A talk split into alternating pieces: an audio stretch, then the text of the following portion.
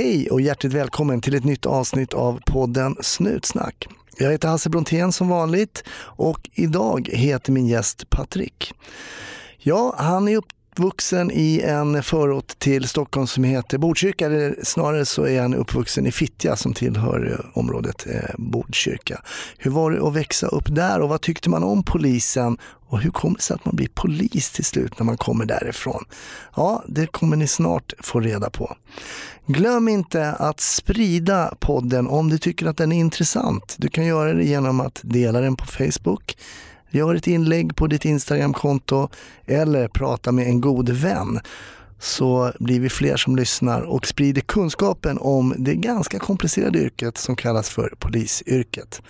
Men nu, oavsett om det är från orten eller inte, var försiktig där ute och ha en riktigt trevlig lyssning.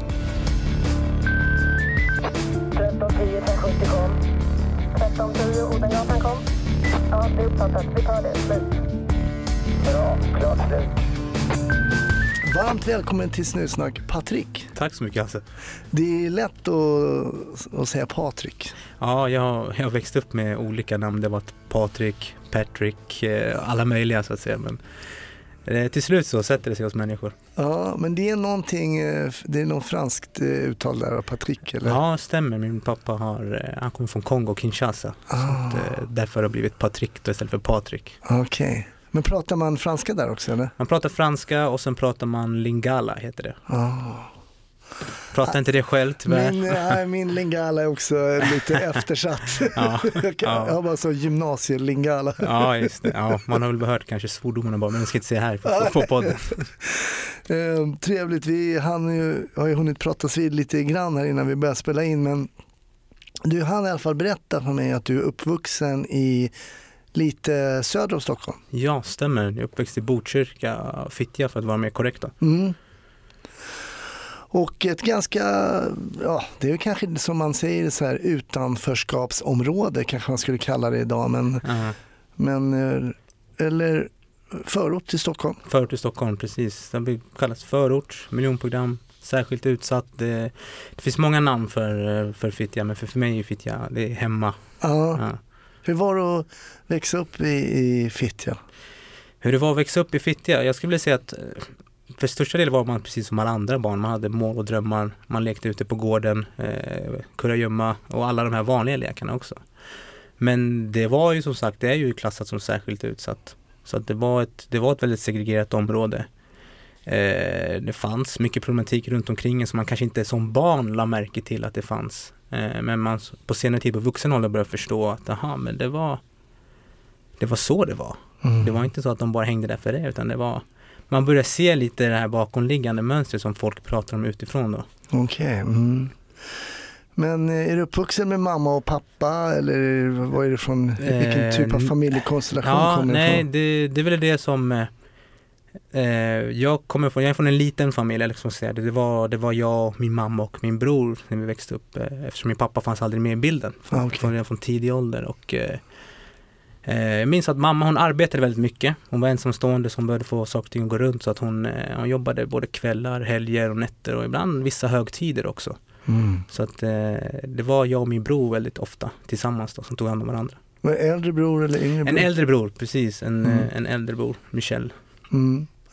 Vad, du sa kurragömma men när man kommer upp i åren då slutar man lite med kurragömma kanske. Vad blev det då, då för aktiviteter för dig? Ja, det precis som många som sport tar en Mm. väldigt stor del i livet. Man eh, hittar olika sporter och saken när man bor som i Fittja så är det stora, stora gårdar som man leker på så att man kunde spela allt från eh, bandy med inline så det var basket, det var fotboll så man testar på mycket olika saker då. Mm. Så det är mycket sport. Men märkte du av som eh, ung kille i Fittja att, att, eh, det här, att folk pratade om orten eller förorten eller visste man om att man växte upp i ett område som kanske var lite omtalat på något sätt eller? Man, eh, när man växer upp i det så tänker man inte på det sättet. Men när man, så fort man kliver utanför, jag hade ju som sagt släktingar utanför eh, Botkyrka som jag fick vara och så då någonstans inser man att folk pratar om det stället du bor på på ett speciellt sätt. Eh, om det, man pratar mycket, väldigt mycket om Fittja och hur det är där och när man växer upp där så, ja som jag sa så för den är i vardagen, men helt plötsligt börjar man Mm. se att det rapporteras mycket, börjar märka att mycket av nyheterna handlade om, eh, om, eh, om just om Fittja. Eh, man börjar kunna läsa det i tidningen, man börjar kunna läsa och sen, eh, ja, alltså det rapporterades väldigt mycket om Fittja. Mm. Eller till en sån här grej som när man, när man googlar Fittja till exempel så kan man se vilka sökresultat är det man får egentligen. Just det. Ja, det är mycket negativt kanske. Ja, precis, precis. Och sen så var det ju också, det var mycket musik, Latin Kings, det är ju från Botkyrka. Ja, så det var, samtidigt som man var stolt av att vara en Botkyrkabo så, så på något sätt så insåg man att eh, ja, det fanns någonting där som eh, folk inte kunde sätta fingret på helt enkelt. Ja, just det. Men idag jobbar ju du som polis. Ja, stämmer. Hur, hur, vad, hur var polisen, hur, hur såg man på polisen i Botkyrka, i Fittja? Eh, jag skulle säga att jag, jag kan ta det för, till varför helt enkelt. När, som jag sa så var, kom jag från en liten familj. Det var, det var jag, min mamma och min bror då. Och eh, när jag var väldigt liten så, så fanns ju min pappa aldrig där. Så att jag brukade fråga min mamma ofta liksom, när ska vi träffa pappa och när ska vi se honom. Så en dag så bestämde sig min mamma för att nu, men nu ska ni få träffa er pappa. Så jag minns att vi, vi tog en buss faktiskt som tog oss ut långt ut mitt i ingenstans. Och när vi kom fram så möttes vi, eller jag möttes av det. Det var en hög byggnad, det var taggtråd, det var metalldetektorer. Så någonstans där då insåg jag då att, då att min pappa faktiskt satt i fängelset. Ah, Okej, okej. Hur gammal var du då? Då? då, jag minns inte sådär, men jag var väldigt liten. Men jag har Mm. minnen, så pass minnen att jag kommer ihåg det här Mm. tillfällen då vi besökte honom där. Just det. Och eh, då väcktes ju tankar om att eh, kanske jag kanske hamnar här någon dag. Ska jag kanske hamna här? Och jag frågade ofta min mamma liksom, kommer jag hamna här när jag blir stor? Eller kan man, hur kommer det se ut för oss när vi blir stora? Och min mamma var alltid tydlig med att låt aldrig så här, dina omständigheter avgöra vem du ska bli i livet. Utan hon tryckte väldigt mycket på det. Att det kanske Mm. ser ut så här på det här sättet just nu men det betyder inte att du ska bli, hamna här för det. Och runt omkring mig så fanns ju många som hade liknande familjeförhållande. Det Mm. saknades en pappa eller det var någon bror som var kriminell eller, eller något sånt där. Just det. Så att man växte ju upp, när man blev äldre så hade man någon form av självbild av att, eller förväntningar på att man skulle vara på ett visst sätt, för Mm. man kom därifrån. Just det. Även om jag hade ett ganska starkt rättspatos hemifrån från min mamma som var en väldigt stark figur som fick mig att hålla mig i skinnet med sport och allt det här. Så hade man även den här förväntningen på att men jag ska vara på det här sättet, för jag är ju härifrån. Eh, och jag ska inte tycka om polisen, för det, det ska man inte göra helt enkelt. Okej, fanns det någon anledning till varför man inte ska, eller var det bara allmän grej att man ska ogilla Ja, polisen? jag tror jag tror att mycket, man identifierar sig väldigt mycket med, man lyssnar väldigt mycket på, där, i alla fall där jag lyssnar väldigt mycket på hiphopmusik. Mm. Och, och hiphopmusik är ju liksom, det är känt för att man, eh, det är, det är poliskritiskt och så Ja. man, man tog sig an den bilden och tänkte, "Ja, men eh, så ska jag också tycka. Och jag kände ju som sagt, jag är inga poliser. Jag hade aldrig träffat någon polis. Det, det Mm. var liksom folk som bara åkte förbi området. Det var det det egentligen polisen var för det, en bil som passerade? Det var en bil som passerade. Och så de flesta sa när man dyker upp själv som polis, eh, vad har hänt? Det var den bilden man hade, polisen kommer när det har hänt någonting. Lite Eh, för sent Lite också. för sent, ja man, precis. Man kände ingen polis, jag hade ingen som var polis i min familj eller på något sätt ingen kontakt med polisen så utan eh, den bilden jag hade av polisen var oftast att det kom när det hade hänt någonting. Men du måste ha kommit i kontakt med polisen eh, på något sätt eller sökte du bara liksom rent spontant eller hur, hur kom Ja. den här tanken, in Tanken, att, efter gymnasiet när man insett var någonstans att man var inte så häftig som man trodde om man inte har rätt, rätt, rätt betyg. När man inser att nej men jag måste ta tag i mitt liv. Eh, och jag jobbade väldigt mycket med ungdomar när jag bodde i Fittja. Eh, olika program där man fick framstå som någon form av positiv förebild. Och eh, någonstans där så tänkte jag, men, men vad ska jag göra med mitt liv? Jag, måste, jag kan inte bara vara en, en ungdomsledare utan jag måste göra någonting också. Och då började tankarna på att väckas av hur kan jag för där vi bodde var det ofta så att om, om eh, du lyckades i Botkyrka så flyttades du oftast ifrån Botkyrka. mm, Det var inte så att man stannade kvar och, ja, okej. utan man flyttade oftast. Så någonstans började jag tänka, men hur kan jag, hur kan jag vara kvar? Eh, inte, lycka, inte lyckas ska jag säga, men hur kan jag fortfarande stanna kvar i området, arbeta i området? Hur kan jag kvar och vara liksom, vara en positiv förebild här jag är? Mm. Eh, och då började tankarna på vecka som kanske polis. Det var något Mhm. nytt. Det var liksom så här, kan jag, kan jag bli polis? Nej, det kan jag väl jag, jag, jag, jag tror inte det liksom. Vad, var, vad var tankarna kring varför du inte skulle kunna bli polis? Eh, Rakt av för det första så hade jag inte sett, jag hade inte sett någon mörkhyad polis förutom på i filmer i USA, Snuten i Hollywood. Denzel Washington. Denzel Washington och liksom sådär. Så det fanns ingen jag- som jag identifierade mig själv med. Nej. Eh, Jag hade ingen inblick i, i, liksom i polisyrket. Jag har aldrig kollat på Beck-film eller något sånt där, Nej. utan det var liksom det jag, den bilden jag hade av polisen var den som jag fick av media och av, eh, av den musiken jag lyssnade på. Eh, Men sen 2012 så började det hända massa saker. Det blev mycket, det blev, det skedde massa skjutningar i, i området och det var narkotikahandel som började bli, liksom bli starkare och mer öppen. Eh, Så då hade man ett, ett trygghetsmöte i, i Botkyrka kommunen tillsammans med närpolisen. Mm. Eh, Och min mamma var sådär, men du måste gå dit och liksom, det är bra för området att du är där och man kan söka sommarjobb och du får gratis lunch och då var jag såld. Så att, Det var det. Nej, Gratis precis, lunch. så att eh, då åkte jag till det mötet med några kompisar och eh, ja, mycket riktigt så var ju polisen där. Eh, framförallt en polis som, som senare blev min mentor, John Franco heter han. Och eh, han kom fram till oss och liksom frågade, kan jag få sätta mig med er grabbar och prata med oss? Vad vill ni bli och vad har ni för drömmar? Och hela den, jag kommer ihåg att vi tittade på dem som någon form av spöke. Vi Vad är det här? Vad är det som händer för någonting? för, vi, för vi hade oftast, jag har blivit stopp, vi hade blivit stoppade av polisen många gånger. Ja, Och det var oftast frågor, vart ska ni? Eh, vem äger bilen? Vem äger mobilen? Kan du kliva ur bilen? Det var mycket sådana här just kontroller, så vi hade aldrig haft någon så här neutral kontakt med en polis förut. det. Ja, just det. Eh, och det var just det här kontaktskapandet som jag fastnade för. Eh, Hur var hans eh, tillväg- när han mötte er, hur, hur var hans tillvägagångssätt liksom? Var det, Det var väl, jag ska säga att han öppet och bara, kan jag få sätta mig och snacka med?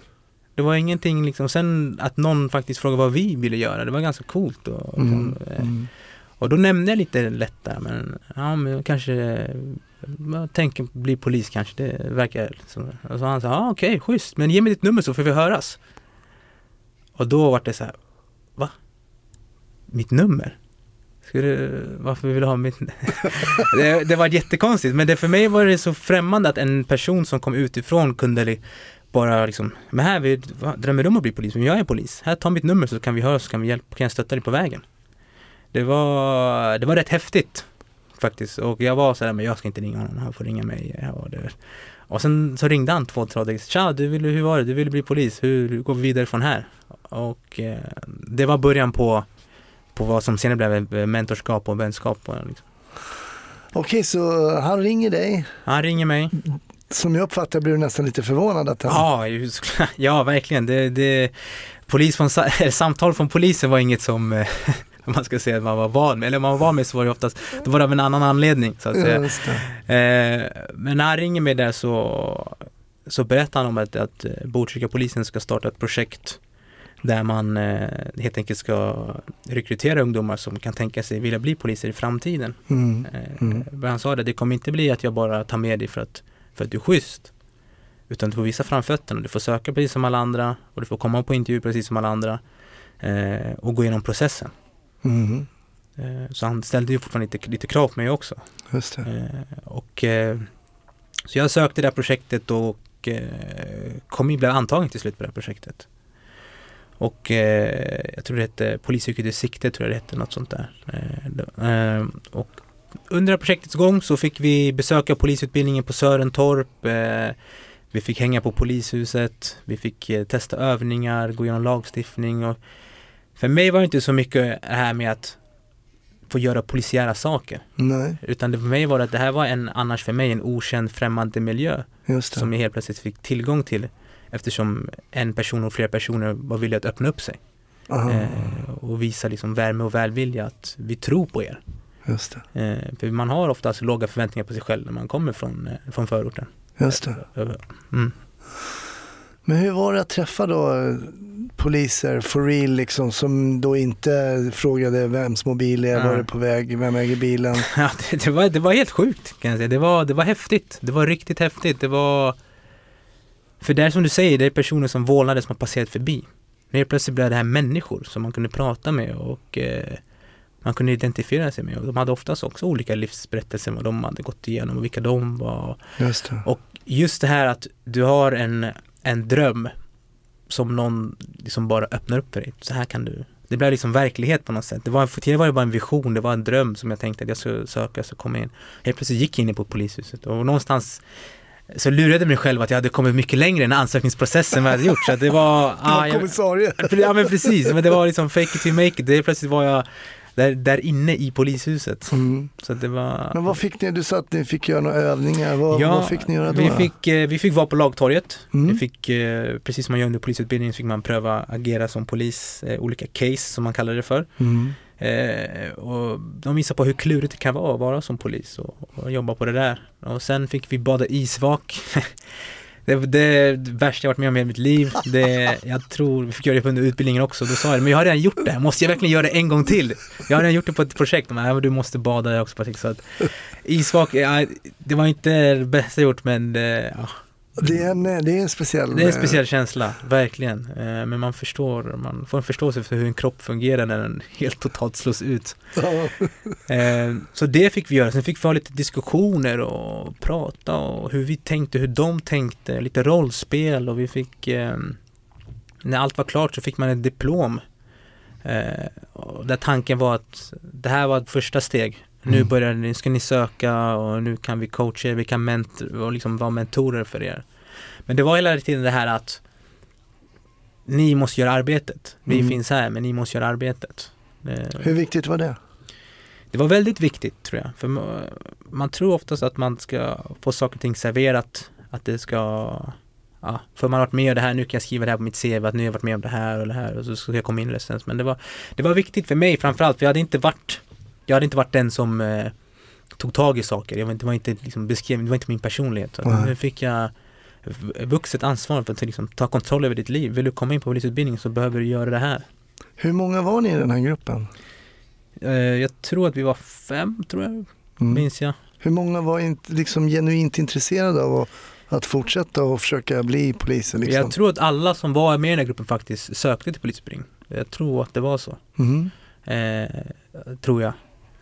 Eh, för vi höll kontakten efteråt några stycken och vissa pratar vi än idag och eh, vissa har sökt och vissa har hittat annat. Men det var just det här mentorskapet som byggde, ett för, eh, byggde dels ett förtroende för polisen men även stärkte självförtroendet hos en själv. Mm. Att man faktiskt kan lyckas med saker, man kan göra saker, bara man bestämmer sig för det. Det var, det var rätt häftigt. Så då bestämde du dig? Då bestämde jag mig för att, eh, för att söka och, och sökte ganska tidigt därefter och trodde att men nu har jag det här vackra diplomet här, det står att jag gjort det här projektet så nu kommer jag komma in tänkte jag. Mm. Eh, och så fick jag tillbaka svar då att eh, du, kan, du är inte kallad vidare till fystesterna. Okej. Ja, och bara- vart lite paff, lite såhär va? Vadå inte vidare? Eh, men samtidigt var det det bästa som kunde hända mig hela tiden. Okej. Jag tror jag sökte Jag tror jag sökte tre gånger och fick, jag kom aldrig vidare till de här fystesterna och förstod inte varför och Men det jag tyckte det, Nu tycker jag att det var det bästa som hände mig. Det var Varför kom du inte vidare då? jag, det är million dollar question. eh, jag vet inte, men jag bestämde mig ganska tidigt för att okej, eh, jag kommer inte in, men för varje gång jag söker så ska jag vara bättre. Mm. Jag ska hela tiden bli bättre. Jag ska bli bättre. Jag var ganska snabb med att koppla bort själva den här emotionella, eh, ska man säga, känslan av att inte bli antagen. Just jag tänkte att jag jobbar på och sen får jag, kommer jag komma in till slut. Så till slut kommer jag komma in och då kommer jag vara så pass bra om jag sökt in så att jag kommer komma in. Så att någonstans så hade jag bestämt mig för att jag vill göra det här och det får ta den tiden det tar. Eh, Så, jag så helt enkelt så jobbade jag på och passade på att skaffa utbildningar i olika saker och fortsatte jobba med det ungdomsarbetet och eh, utveckla mig själv. Så jag är glad att jag inte kom in när jag var 22 år utan jag är glad att jag kom in när jag var 25 för då hade jag en, en annan personlig mognad till Mm. utbildningen. Ja, men vi har pratat det lite i podden tidigare. Var är, det är såklart väldigt individuellt Mm, när mm. man känner egentligen men jag har väl kommit underfund med att jag kanske skulle ha börjat när jag var 25 istället för när jag var 21. Men det var för sent. Men, men, ehm, nej, men det låter väl eh, klokt. Man mognar ju kanske mer än vad man tror bara under de åren. Ja, Som, framförallt, vad ska man säga, killar och pojkar. ja, men lite, vi är lite senare på, Ja, den, på den bollen. Ja. Men då kommer du in. Ja, då kom jag in. Eh, antagen Umeå. Ah. Upprop, eh, jag tror det var 4 september eller sånt där. Och hela den, eh, alla som har gått igenom den här ansökningsprocessen och ni som ska göra det, det är, det är en emotionell emotionell dag, eller där berg för man eh, slås mellan, man, det, det är så lång tid mellan varje instans man ska gå igenom olika prövningar. Ja, just det. Mm. Och när man kom in på något sätt, det var, det var en odödlig känsla, man känner sig liksom Jag kom in! Jag är en av de här som har sökt, jag är antagen. Jag kommer ihåg att jag åkte hem på lunch, jag jobbade extra då, sen kom jag hem och sen eh, så förstod jag så här, du har fått mail från polisutbildningen. Och så tänkte jag, nu, nu avgörs hela min framtid. För då hade jag gått hela vägen då, så nu var det liksom avgörande. Kommer in och sen läser jag att jag är antagen. Och jag kommer ihåg att jag liksom, ja, ah, jag skrek och hoppade, och gjorde allt möjligt. Jag tänkte, ska jag ringa min chef och säga, du vet vad, jag kommer inte tillbaka. För jag, kom, jag tänkte så här, nej men jag behöver de här pengarna, jag har hört att det inte är så bra betalt så att jag tänkte att jag behöver nog de här pengarna. Så det var inte det, I quit! Nej, det var inte så, nej, det var, jag var nära men Nej, det var, det var, det var otroligt att få komma in. Det var, det var en lång resa men till slut Ja. så, så. rolig och intressant liksom, uppbyggnad. Just det här att det kanske inte hade mm, kanske inte hade blivit något om inte han kom fram och satte sig vid bordet där och sa grabbar precis. får jag slå Ja. mig ner och snacka med er lite grann. Precis. Så ett viktigt Ja, kontaktskapande där. verkligen. Jag pratar om det. Det är hela det där kontaktskapande arbetet som man jobbar med, framförallt i, där jag jobbar i Södertälje, Mm, eh, i SPO som vi kallar det inom polisen då, särskilt prioriterade områden. mm. Så är kontaktskapande arbete en viktig del av det arbetet vi, vi gör. Hur viktig är din egen bakgrund när du jobbar i ett liknande område nu själv som polis? Ja, den, för mig ska jag säga, det är, det är väldigt viktigt för mig. Eh, för mig är det att det, det ger mig någon form av förståelse till eh, en del av de utmaningar som vi möter. Jag förstår var en del av de ungdomarna kommer ifrån, vad de, vissa av dem känner. Eh, och med det sagt så säger jag att jag rättfärdigar inte folks handlingar för vad de gör och hur de beter sig och sånt där. Mm. Men jag har en annan typ av förståelse Mm. till eh, Mm. den här frustrationen man kan känna när man blir stoppad för femte gången Mm. under en kväll och man kanske inte har gjort någonting. Just det. Eh, så det ger mig en liten, ett annat perspektiv skulle jag säga. Jag menar du, jag har haft, ehm, du sa det inte, du hade inga förebilder, du har inte sett några mörka eh, poliser i uniform tidigare och, och jag har haft, eh, hade Rissa som gäst. Ja, eh, Fantastiskt. Hon, ja, fantastisk. Jag hade henne som student också när jag var lärare på skolan. Hon har ju rötter i Togo. Och det är ännu ovanligare att man Mm. ser en, eh, en mörk tjej med afrikanskt påbrå i uniform i Sverige. Ja, ja. Och hur viktigt är det att liksom ändå sticka ut? För vi har ju mycket människor som, eh, som har rötter i andra världsdelar och sådär. Vad tror du det? är? Hur, hur mycket påtalas det när du kommer fram och sådär? Att du själv... Eh, vad ska säga? Många, många av de ungdomar som jag möter där jag arbetar blir, de blir, de blir förvånade. eh, över att jag är polis. Jag spelade fotboll här i helgen faktiskt med ett gäng ungdomar från eh, ett område eh, och där det var blåljuspersonal med, det var brandmän, det var ambulansförare och det var, ingen, det var ingen som ville tro att jag var polis. Alla trodde att jag var att jag var antingen ambulansen eller, eller att jag var någon, eh, någon ledare för någonting. Så jag sa, nej men jag är polis. Jag är, de bara, nej du är inte polis. Jag bara, men jag är polis. Du är tvungen att visa Ja, badgen. Ja, typ, typ så. Så jag var jag tvungen att droppa lite namn och ja, du kanske är polis. Men eh, det har påtalats, det, det händer att folk påpekar det. det. Det är inte alltid att folk gör det, men Mm. man kommer, och de undrar oftast vart man kommer ifrån. Att, var kommer du ifrån? Mm, det, är mm. liksom, det är en fråga jag ofta får från folk.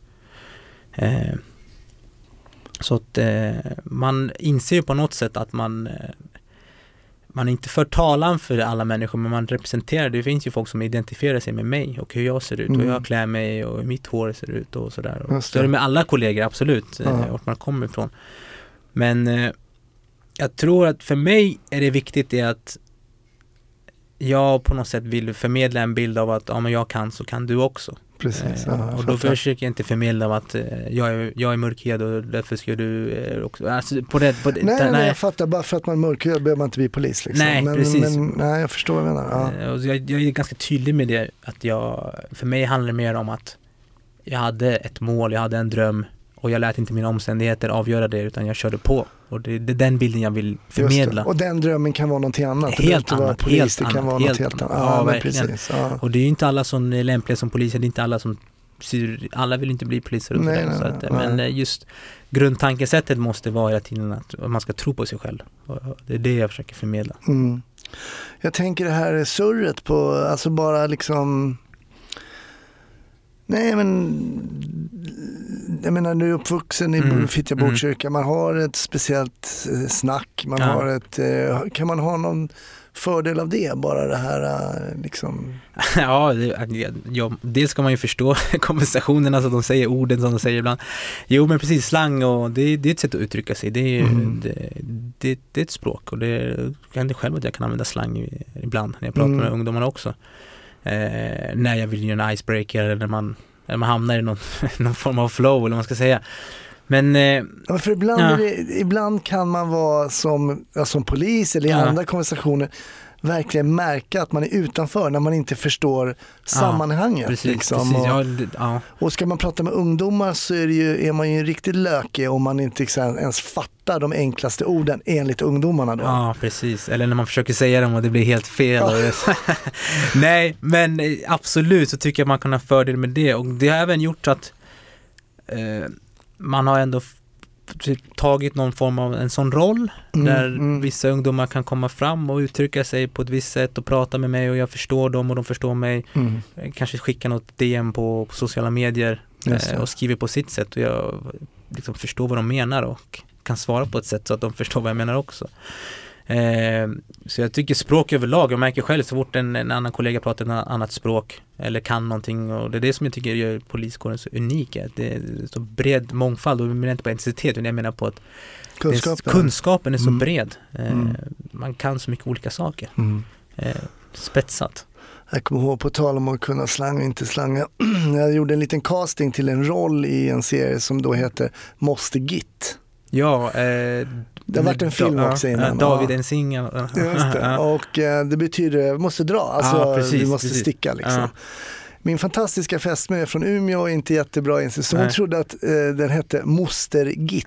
Alltså, alltså, Ja. det, är inte, det, är inte, det är helt okej för det låter nästan Ja, som. Moster Git. ja, så Men, eh, så att jag menar bara de här små grejerna och om man Mm, som polis då som någon form av myndighetsperson inte fattar när två, då kanske man blir förlöjligad. eller Så så jag kan tänka mig att det finns en viss fördel ändå.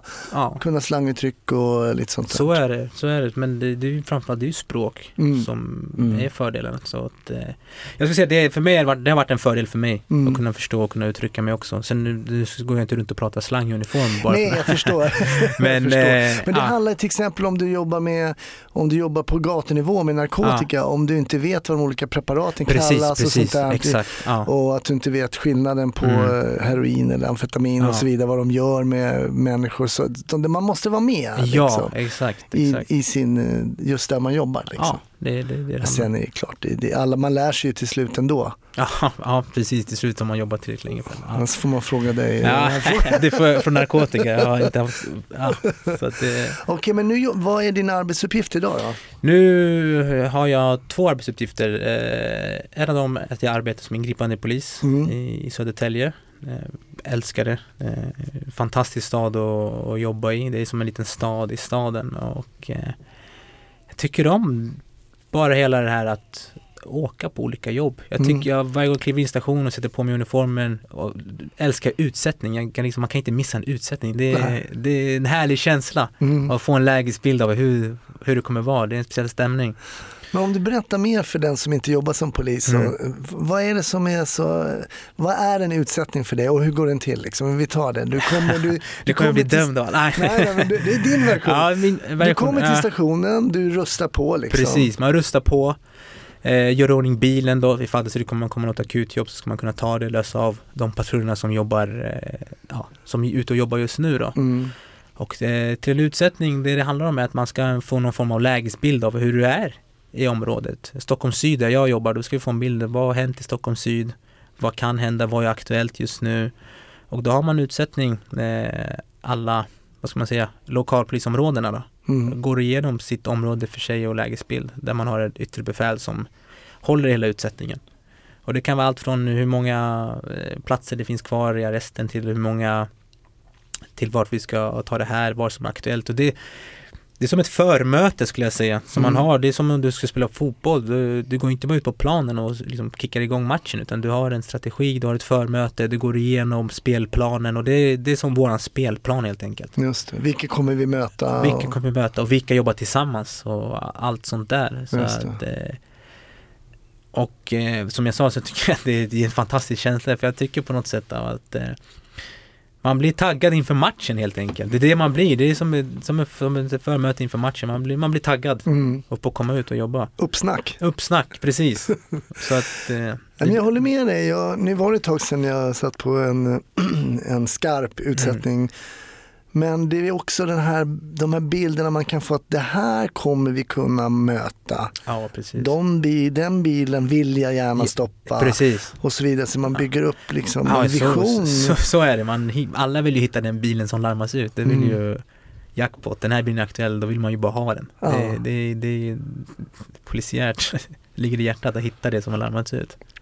Bilder, man får kanske upp bilder på personer som är efterlysta. Ja, precis. ska, Allt sånt där. Ja. Eh, hela den biten tycker jag är fantastiskt kul. Och det ger, även om man jobbar, vi styrs väldigt mycket av eh, de jobben som larmas ut via våran eh, radiocentral så, så ger den här vita tiden som vi brukar kalla det när vi inte har något jobb fyller sin mening i sig. För då vet vi att vi har en gameplan. Mm. Då kan vi jobba efter den. Eh, och sen försöker vi komma iväg till fritidsgårdar och träffa ungdomar och portar och överallt vart de pratar om. Hur funkar det då? Komma ut på fritidsgårdar och Det, det funkar bra. Jag tycker att man har, man har man har byggt en sån relation till de här fritidsgårdarna, i alla fall där jag jobbar. Alltså att man kan kliva in där och eh, jag hade gärna gjort det mycket mer så att det inte blir så, så glapp emellan men eh, det är den, i det jobbet jag jobbar som eh, ingripande verksamhet att det blir glest emellan eftersom Mm. man är på jobb. Men det funkar bra. Eh, vi har haft tur nu, vi har haft det här eh, Södertäljepolisen som har spelats nu. På, Ja, just så att, eh, för Just många det. ungdomarna där så har vi plötsligt blivit personer i sig också just som det. kommer dit. Så det har funkat väldigt bra. Just det, när jag blivit liksom lite local celebs. Ja, det, liksom. det kan gå något huvud. Nej, men verkligen, det, det ska säga, i Södertälje kan man se att, för det, vi är ju Södertäljepolisen och vi syns i Södertälje och det är väl kul att kunna känna igen folk man ser liksom, Mm. på TV. Det är väl bara en, en rolig grej för dem. Men hur skulle du säga då, som till exempel den serien då, Mm. eh, Södertäljepolisen, där man ser poliser som åker på jobb av olika Ja. rang och så. Hur har det påverkat bilden tror du av Södertäljepolisen? Eh, väldigt bra skulle jag vilja säga. Eh, vi får mycket positiva eh, kommentarer och hejande och från, från allmänheten. Då. Mm. Eh, för man har, fått, man har fått en bild av den polisen som man jobbar. Man är väldigt stolt över sin poliskår i Södertälje. Mm. Eh, så jag tror att den serien har bara gjort, gjort det bättre. Man var lite orolig i början att det skulle vara att det skulle eh, förstöra bilden av Södertälje. Att nu skulle de bara visa hur dåligt Södertälje var. Men det vart inte riktigt så av det programmet. Det var tvärtom nästan. Ja, Okej, intressant. Mm. Eh, Jag hade ett avsnitt där jag hade två poliser, eller för, en för detta och en, det var Mustafa Panshiri Mm. och Hanif Azizi och då Ja. pratade vi om rasism. Ja, just det. Vi pratade liksom Mm. inom polisen och vi pratade också bemötandet utanför. Så här. Men som vi sa nu, och jag pratade lite med Rissa om det Ja. också. Men hur har du uppfattat det att komma in i, eh, i polisen som, eh, ja du sticker ut. Ja, du är ju mörk eh, kille. Hur har det varit? Har du märkt av det? Ja, men jag ska vara helt ärlig mot dig Hasse så när jag kom till polisen så var det nästan så att jag jag skulle leta efter rasism, jag skulle hitta rasism. Jag skulle leta efter de här människorna som uttryckte sig på fel sätt eller någonting och tänkte nu ska jag lyssna här och höra. Vad, hur säger den här personen här? Eh, men hittade aldrig det. Mhm. Eh, bland de jag arbetar i alla fall. Eh, eh, och verkligen blev nästan paff på att men det var inte så mycket rasism som jag hade haft föreställning om att det skulle vara. Nu Mm. säger jag att det inte finns, det skulle jag inte förneka men Nej. det var inte, inte i de miljöerna jag fann, befann mig i. Mm. Eh, och när det gäller till allmänheten som jag träffar så eh, jag har inte mött rasism i min roll. Eh, jag har blivit kallad för rasist. det, har jag, det har jag blivit. Ja men det blir ju Ja, allas ja, det blir poliser allas, så ja. fort de sätter på sig uniformen. Precis, precis. Bara Eh, om man griper någon som är från ett annat land. Ja, ja, själv precis. Ja, jag har blivit ibland blir så hur kan du kalla mig rasist? Titta på mig, kolla på det, vi, vad håller du på med? Men eh, så att men jag förstår att det finns den bilden av polisen. eh, Det har ju läckts filmer och jag, jag, jag har helt full förståelse för Mm. det. Nej, Och men, jag, och jag är Mm. övertygad om att det finns poliser som Absolut. är det. Jag menar Ja. poliserna har väl ett tvärsnitt av, ja, ja. av eh, svenskarna överlag. Precis. Så, Och jag, får, jag kan säga att jag får frågor från eh, en del personer del, som frågar mig hur är det med rasismen inom polisen? mm. För det, det, det, pratar, det pratas man mycket om. Så att, eh, och Hanif, ja, för den delen, en, en god vän som jag arbetar med just Ah, idag. Så ah. vi arbetar tillsammans idag också inom ett projekt. Så att eh, den frågan är aktuell, absolut. Hanif berättade en sak som var väldigt intressant. Att han tänkte så här, vad bra att jag nu kommer, som han har ju rötter i Iran. Mm. Så tänker de så här, men den här killen är ju liksom också, men att det blev tvärtom. Ja. Att de säger, men varför har du vänt dig emot oss? Alltså, ja, precis. Jag har hört eh, kollegor som fått höra att, att de har fått så här, svikare, golare, var, varför är det som du har valt sida nu? mm, the dark side. The dark side, och det, om jag går tillbaka till det jag sa innan, att jag är glad att jag kom in när jag var 25 istället. Mm. För hade jag hört något sånt när jag var 21 så hade det slagit hårt. Det hade tagit deras, mina vänners liksom, synpunkter på polis eller på Mm. mig beställde väldigt mycket. Så när jag blev äldre så insåg jag att, ja men det är en ankdamm liksom, den här åsikten. Och Rissa berättade att de kallar henne you African racist. African racist, ja du ser. Nej man har hört, man har hört väldigt mycket vad, ja, så att, Så att det går att vrida och vända på det där Ja. eh, begreppet eh, ganska mycket. Precis, det, ja, det håller jag verkligen med om. Men eh, så om jag uppfattar det rätt då så har du inte känt av det så mycket inom kåren? Alltså folk säger, jag vill inte åka med dig, du har rötter i Afrika. Nej, det har jag aldrig gjort, det, ska, det kan jag verkligen säga. Det har jag aldrig upplevt. Jag vet inte vad sägs bakom min rygg men... nej, det har Du jag kanske är superduktiga skådisar. Precis, det är precis. Alla håller masken. Ja. Nej, jag har inte märkt av det alls utan jag känner mig varmt välkommen inom polisen och Mm. verkligen en, en del av polismyndigheten. Nej, men jag måste säga då, sen när jag var ute och jobbade och sådär när jag grep folk, alltså jag måste säga ärligt, jag sket ett stort stycke i hur de, hur de såg ut eller Mm. var de kom ifrån. Ja, men jag precis. försökte bara fånga bovar. Ja, Alltså, det tyckte jag, det var en ynnest att få gripa folk som hade gjort dumma grejer. Ja. Sen eh, var de kom ifrån brydde jag mig inte om, men det var ju Nej. ofta vänt mot en att man var ja, men rasist. Man ska ju alltid ha något att skylla på. Att, Såklart, ja, såklart. Så är det. Mm. Nej men det är precis som du säger, det, det, alltså, folks etnicitet, hur de ser ut och vad de pratar för språk, det spelar inte någon större roll. Jag är uppväxt i Fittja, det var liksom mångkulturellt center, det var alla... Du var ja, precis. marinerad Mar- i, i Precis, så att eh, för mig är det inget konstigt att någon kommer från ett visst land eller har en viss religion ja. eller, eller vad sådär, utan det var Jag blev mer förvånad när jag började på polisutbildningen i Umeå till exempel och man hade sådana här kårfester och det började spelas musik som Magnus Uggla och Vikerna och det var inget, jag, det var inte, jag var inte alls van med det så det var, för mig var det mer främmande. det var för lite rap. Ja, precis. Folk började bugga och tänkte, fan, buggar man när man är 20 år? Gör man? Nej, det var, för mig var det väldigt främmande, men Ah. ja. Nej, men det är ju lite skillnad. Och jag, jag vet att din, du berättade att din mamma är från Norrland. Ja, stämmer. Och Min pappa och jag har också varit uppe i Norrland och då dansade man ju foxtrot. Alltså man liksom, jag vågade inte dansa då, kallas ju för tryckare på den Ja, just tiden. det. Ja, det För då hade de någon form av steg och jag, nej det går ju inte, jag kunde Nej, inga steg. nej, jag var precis, livrädd för det. precis. Ja. Bugga, aldrig buggat heller. Nej, det är någon, det är en sån fördom jag har att alla poliser buggar och spelar innebandy. Det, det är, Innebandy är väl ganska sant i alla fall. Men, ja, precis. Det är så, ja, innebandy har man ju ja, halkat in på några gånger. ja. Jag brukar alltid be min gäst ehm, ta med en historia Mm. eller ett case liksom som har stuckit ut på ett eller annat Ja. sätt. Eh, vad tänker du där? Har du något ärende som Ja, jag satt och grubblade på det för jag, när jag lyssnade så bara, ah, jag måste ha något case, har jag något case? Eller jag började normalisera till att alla case är ganska, en massa. Eh, så jag har ingen case på rakt arm, men jag vet ett case som faktiskt, som, som påverkade mig, liksom skapade, första gången jag började känna, inte första gången jag kände känslor, men som gjorde att jag kände en konstig känsla inom mig själv. Mm. Eh, och började ifrågasätta vad liksom polis, alltså min roll som polis. Mm. Och det var under min aspirant så fick vi ett ganska ett vardagligt jobb. Eh, det var en, en husvagn som var stulen, som hade påträffats. Eh, I den personen, eller i den husvagnen så bodde det nu personer. Mm. Eh, varav ägaren ville få tillbaka husvagnen nu och vi skulle komma dit och hjälp, bistå med att de ska liksom tömma husvagnen helt enkelt. Så en väldigt ganska basic jobb, inga konstigheter sådär utan att den är stulen, eh, den ska rapporteras och den ska återlämnas till ägaren efter den har eh, man vill säkerställt att det är själva den här husvagnen som vi pratar om. Så vi åker dit Eh, min instruktör och min kollega eh, träffar upp den ägaren som, ja men det är den, här är chassinummer, inga konstigheter, det bor två personer i den här hus, husvagnen. Så vi ber de här personerna tömma husvagnen och de börjar tömma den på, på alla sorters ägodelar de har och liksom det, det är madrasser, det är kläder, det är sängar och det här. Eh, och sen börjar jag märka att de börjar ta fram eh, barnleksaker. Mm. De börjar ta fram eh, såna här gåbord, eh, liksom barnleksaker som man, för de som själva har barn, saker som barn i, vid sju månader, åtta månader börjar gå, sådana saker börjar de ta fram. Mm. Och då börjar jag känna att det börjar liksom börja sticka till i hjärtat, liksom, vad, vad händer nu liksom?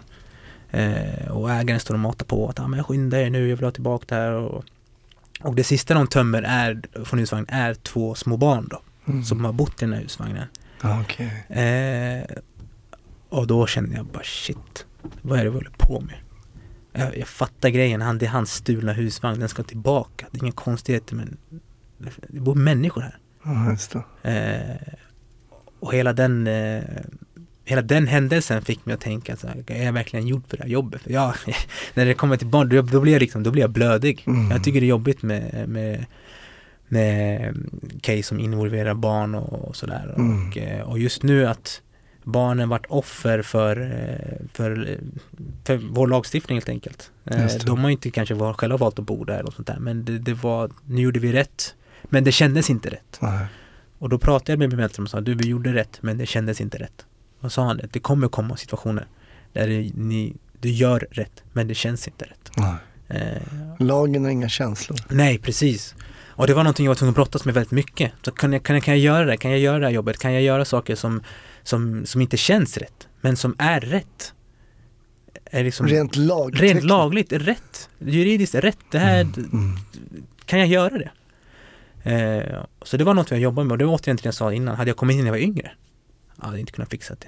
Så finns det någon som kan göra det, men jag själv kände att det krävdes en personlig mognad, det krävdes en förståelse för den uppgiften vi har. Mm. Om att sådana här situationer kommer att ställas inför Patrik. Mm. Eh, kan du hantera dem? Eh, som tur nu har vi väldigt duktiga avlastningssamtal, jag behövde inte det just där och då, men det var ändå sånt här vanligt case som fick mig att börja tänka på eh, eh, att ja, när man gör rätt men inte känns rätt, hur gör jag då? Just det. Eh, Och det var inget som man pratade om så mycket om på skolan. alltså. Utan att det, den här emotionella biten, hela känslomässiga biten kring polisyrket. Jätteintressant. Jag, jag, jag kommer ihåg ett avsnitt med Alexandra ganska tidigt i podden. Hon, eh, de åker till en förskola där ett barn, en, om mamman eller papp, pappan hade fått 100% i vårdnad Mm, ja, och de skulle lämna över barnet till pappan. precis. Men hon kände, hon hade en gut feeling hela Ja. tiden. Det här är så fel. Hur det utspelade sig på platsen. Ja. Och det hade man heller inte gjort i skolan. Hur lämnar man över ett barn Nej, som skriker vill till ena föräldern men tas av den andra. Nej. Och eh, hon var tvungen att ta en liten paus och gå in liksom typ på krim för att det var så, hon kände bara vi gjorde fel. Fast det var rätt. Ja, det, det, ja precis. Precis som du ja. berättar, lagtekniskt så är det det korrekta att göra. Men det Men kändes fel. Det kändes fel, precis. Och det är som som jag tycker man kan lyfta på utbildningen. Mycket av de eh, casen vi har handlar väldigt mycket om narkotika eller lobbar eller sånt här. Men Mm. just den här biten tycker jag är ännu viktigare, ännu svårare. Det är väl det här som får liksom Just det. Eh, som när man frågar under polisutbildningen, eller man frågar under de här intervjuerna att man ska komma in till skolan. Så du, kan, kan du göra det här jobbet? Mm. Eh, det är sådana här typer av saker du kan ställas inför. Kan du hantera det? Mm. Därför är det viktigt med den här psykologintervjun och allt det här. Att, Mm. eh, att man är emotionellt stabil. Sen är det ganska häftigt hur man eh, när man är omedveten om att man påverkas av någonting, hur, det- hur det liksom, en del jobb kan ta upp det till ytan. Att man blir medveten om att, "Jaha, det här visste inte jag om mig själv, att, att jag skulle reagera på det här sättet. Just det. Och sen att man tar det på allvar. Inte bara snacka bort det. Mm. För det är ganska, jag vet inte hur du känner, men det, som polis kan man skämta bort väldigt mycket. Absolut, jag, jag tror att det också är en ventil som behövs. Ja, Men jag tror att man måste samtidigt eh, också som du säger ta det på allvar och varför Precis. reagerar jag som jag gör och så. ja, För jag tror att vi förvånar oss själva ibland genom att reagera på sätt som vi inte tror. ja, verkligen. Var- verkligen. Vad hände med de här barnen då? Blev det någon i övrig åtgärd där? Kom du ihåg det eller? Jag kommer inte ihåg, jag tror att jag frågade min eh, handledare om just hur det skulle vara. Eh, nu ska jag säga, det här var barn som stod utanför samhället kan man säga. Mm. Eh, det fanns inte med i några register på samma sätt eller sådär. Nej. Eh, så Inte svenska medborgare? inte svenska medborgare så det fanns ju inte riktigt någon åtgärd sådär. Eh, till historien hör också att det började, det började till och med regna Ja. på deras saker och det vart ju bara, fick mig bara må ännu sämre. Mm. Så nu börjar det regna, nu är det saker här blöta. Ja, eh, status, vad ska man säga, status, status är vi klara? Ja, uppdrag avslutat liksom. Mm. Men det, det är också något sånt där man, man tänker att när, när, är, när är vi klara på riktigt? Precis. Uppdraget är avslut men är det verkligen Ja, det? precis. Livet går vidare för människor fast polisen lämnar platsen eller vilka det är nu som... Precis, och Mm. det är något man- kan ställa för ibland. För det är ju det som, och det är en återkommande grej egentligen det här med att jobba som polis så får du också se skuggsidan av vårt samhälle rätt ofta faktiskt. Ja, och det är ju precis den du beskriver nu med barn som måste liksom krypa ut ur husvagnen. Ja, så det, det är verkligen det, för det är mycket eh, Många, jag skulle säga att kunskapen om vad vi gör kan ibland vara väldigt begränsad. Mm. När det gäller ungdomar så tror många att vi bara jagar ungdomar, vi bara jagar narkotika. Mm. Och när vi håller på med trafik så gör vi det för vi inte har inte har något annat att göra. Ja, har ni inget bättre för er får man höra. Men det är just de här händelserna när det är som du säger, lämna tillbaka barn eller, eller när man går in på ett, eh, ett jobb som är brott i nära relation. Mm. Och där man får se familjen som ska vara liksom kärn, kärnan för trygghet i Mm. hemmet. Har Mm. slagit sönder av våld eller av missbruk eller av liksom Mm. när det spricker, det här Mm. yttre. Eh, och det brukar jag tänka på det ibland när man är, man är i ett hus eller ett höghus. Så så så här, tänk, borde, här bor det 50 olika familjer. Och bakom den här dörren så pågår det här utan att någon annan kanske vet om det. Exakt. Det är, men det är sådana reflektioner som jag brukar göra. Och det, det, Mm. så att, Psykisk ohälsa. Psykisk ohälsa, ja verkligen. Det, och vissa jobb blir ju en, liksom, en rutin, ett rutinjobb, Mm. vardag i vardagen. Mm. Eh, Och vissa fastnar lite längre och vissa kan man lättare gå ifrån vidare och sådär. Mm. Nej, men, mycket intressant och jag brukar säga det när jag pratar med gäster. Så här, men jag har ingen action, men jag, vill inte, jag är inte intresserad av Mm. Jag är intresserad av vad du tyckte Ja. påverkade dig och det här tycker jag är ett sånt klassiskt eh, exempel på som man kanske inte tänker på när man söker till polishögskolan ens. Nej, verkligen inte. Utan det bara poppar upp och så känner jag så här plötsligt. Varför då? Jo, därför att där är två små barn. Ja, det, det, verkligen så är det. Eh, när man sökte in, då hade som sagt, man hade en helt annan bild av vad man skulle syssla med och skulle göra. Mm. Det var ju radiobil, det var häftiga jobb och, och ute och snacka med ungdomar men sen kommer de här jobben som man tror ska vara, som du säger, ska vara vanliga jobb men så dök det upp någonting som jag inte trodde skulle finnas där. Mm. Men är det inte också väldigt skönt att på något sätt reagera på det sättet som du gör? Tänk om man slutar att reagera, bara Ja, verkligen. Det, det har du helt rätt i att man, att man är ett med sina känslor fortfarande. Det tycker jag det är väldigt viktigt. Man, man kan inte vara hur känslokall som helst i det här jobbet. Man måste visa känslor och Mm. eh, det, det, det är rätt skönt att, att som du säger kunna känna sådär. Eh, och, och jobbigt ibland. Men så länge jag är medveten om det så kan jag jobba med det. Det tycker jag är viktigt att bli medveten eh, och ni som ska söka in att ni försöker ta reda på hur man reagerar vid stresssituationer. Mm. För det, Mm. vi jobbar ju mycket med det med eh, mental förberedelse. Vad är, liksom, vad är det värsta jag kan eh, vad är det värsta som kan hända? Vad är troligast som ska hända? Så att man bygger upp den här mentala förberedelsen. Jätteviktig. Mm. Ja, jätteintressant eh, historia om det lilla i vår verklighet som faktiskt blir ganska stort när man kommer och ser det sådär nästan som en poster kan jag Mm. se framför mig med den här husvagnen, alla utplockade möbler och de här eh, barnleksakerna och till slut de här barnen. Det är tragiskt. Vissa lever så och det är väldigt, väldigt tragiskt. Precis. Vad intressant, vi brukar alltid runda av podden med lite, vi lämnar verkligheten Ja. och eh, för polisyrket är ju på många sätt ett mytomspunnet yrke och därför ser vi så många serier och Ja, ja, polisfilmer och sådär. Men har du något du kan rekommendera i, i, den, i den eh, genren? kan jag säga Södertäljepolisen? Nej, ja, skämt Det åt får du jättegärna göra. Eh, oj, i den genren. Se, jag måste tänka på... Alltså jag har Ja. suttit här nu snart i 200 avsnitt och väntar på en film som ingen någonsin säger. Men jag ska inte pressa dig att komma på den för det är omöjligt.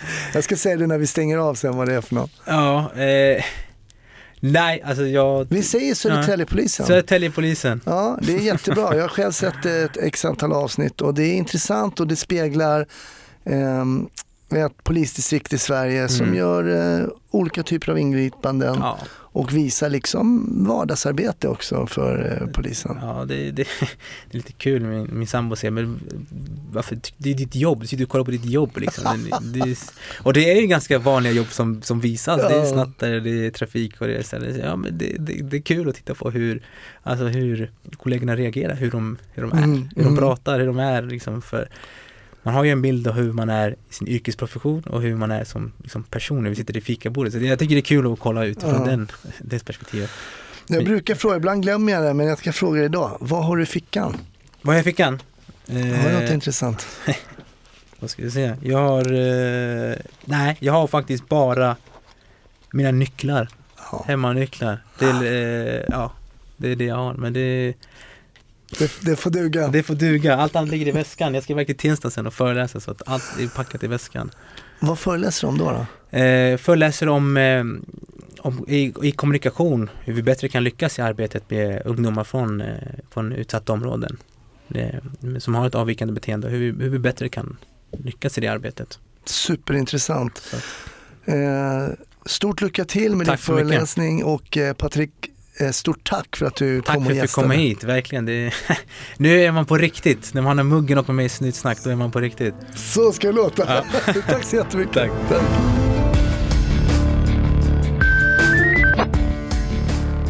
Tack! Det är slut för den här veckan, men det kommer ett nytt avsnitt i nästa vecka. Så ha lite tålamod, eh, följ oss på Facebook eller på Instagram så hörs vi nästa vecka. Ha det bra, hej!